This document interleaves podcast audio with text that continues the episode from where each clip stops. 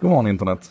En sak idag ska handla om de här helt fantastiska communities som växer fram här nu som jobbar med att utifrån eh, verktyg runt artificiell intelligens och öppna data och tillgänglig hårdvara och överhuvudtaget det ekosystem som vi har idag av möjligheter gör fantastiska saker. Och jag måste bara backa bandet då, för jag läser en artikel i Wired som handlar om hur det 1975 på, på vintern eh, det hände en, en, sak som fick konsekvenser. Steve Wozniak signade upp för en, en liten klubb som hette Homebrew Computer Club.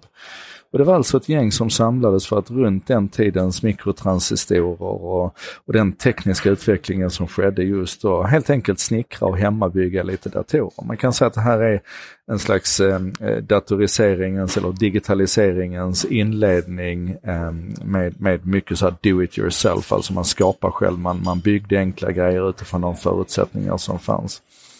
Och för min del när jag var ung och växte upp så var det inte så mycket det, men då var det fotoklubben istället. Alltså vi samlades där och vi, vi, eh, vi eh, eh, framkallade tillsammans och vi bytte gluggar med varandra, vi kommenterade varandras bilder och så vidare. Men hela den här do it yourself-grejen, det är samma sak med en, en syjunta eller att man träffas och stöper ljus eller sådär. Men nu finns det då en ny aspekt på det här. Och det är alltså hur unga nyfikna, eller gamla nyfikna för den sakens skull, idag kan träffas och, och bygga helt fantastiska saker baserat på liksom artificiell intelligens som ju är exceptionellt tillgängligt idag. Det är bara upp med kreditkortet och köpa in sig på Watson eller installera TensorFlow. Du vet alla de här stora företagen som vi har pratat om här, organisationerna, de släpper ju sina verktyg och redskap väldigt fritt där ute så att man kan arbeta med dem. Vi har väldigt tillgänglig och enkel hårdvara, där en liten Raspberry Pi Pi som väl kostar 10 dollar kanske, kan du göra fantastiska saker med idag utöver då att liksom tekniken finns överallt och det är busenkelt att bygga en mobilapplikation och checka in den och sådär. Och vi har hela öppna datarörelsen som fyller på med massor med goa data här som man kan bygga och skapa saker på. Så, så att Do it yourself 2018, det ser inte riktigt ut som Do it yourself gjorde 1975. Och i en, en artikel här då i, Wired så, så, nämner man då hur, hur eh, det, det, gör så här konstiga grejer någon bygger en, en AI-bot som kan skriva egna rapplåtar. Någon skapar en, en applikation som faktiskt fungerar. Eh, Plant MD som du kan använda för att diagnostisera sjukdomar på, på växter. Och, alltså överhuvudtaget är en, en, en, en en snubbe i Japan som kör en, en uh, dry cleaning, vad heter det, kemtvätt på svenska va?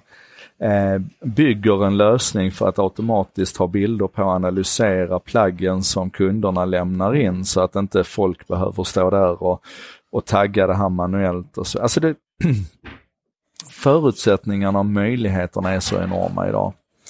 Men det som är intressant med detta är att de här innovationerna de stannar ju liksom inte hos mig. Va? Jag menar när jag var med i min fotoklubb och vi tog lite bilder, då var vi ju liksom 14 pers i den här lilla klubben som kunde dra nytta av varandras kompetens och erfarenheter. Och till och med i den gamla Homebrew Computer Club så var det ju inte mycket som kom utanför den klubben. Jag menar att, att Steve Wozniak och, och, Steve Jobs startade Apple utifrån det, det är ju en, en anomali i sammanhanget. Det mesta stannar ju liksom i den här lilla klubben.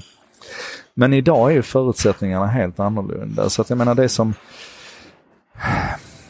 de stora företagen släpper loss möjligheter. Vi kan köpa Watson för ett, en 7 cent i timmen tror jag.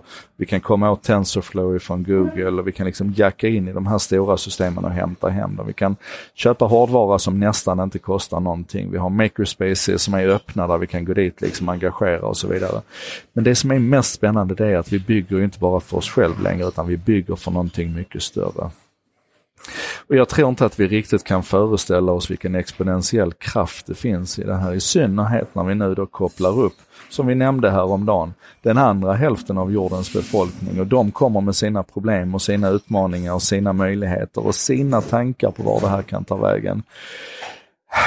Jag ville bara säga det, jag tycker det är, det är fantastiskt, det är så häftigt. Och på ett sätt kan jag önska att jag var ung idag, men jag får vara nöjd med att jag åtminstone lever idag i denna underbara tid. Det här var En sak idag med mig Joakim Jardenberg och vi ses imorgon igen som vanligt.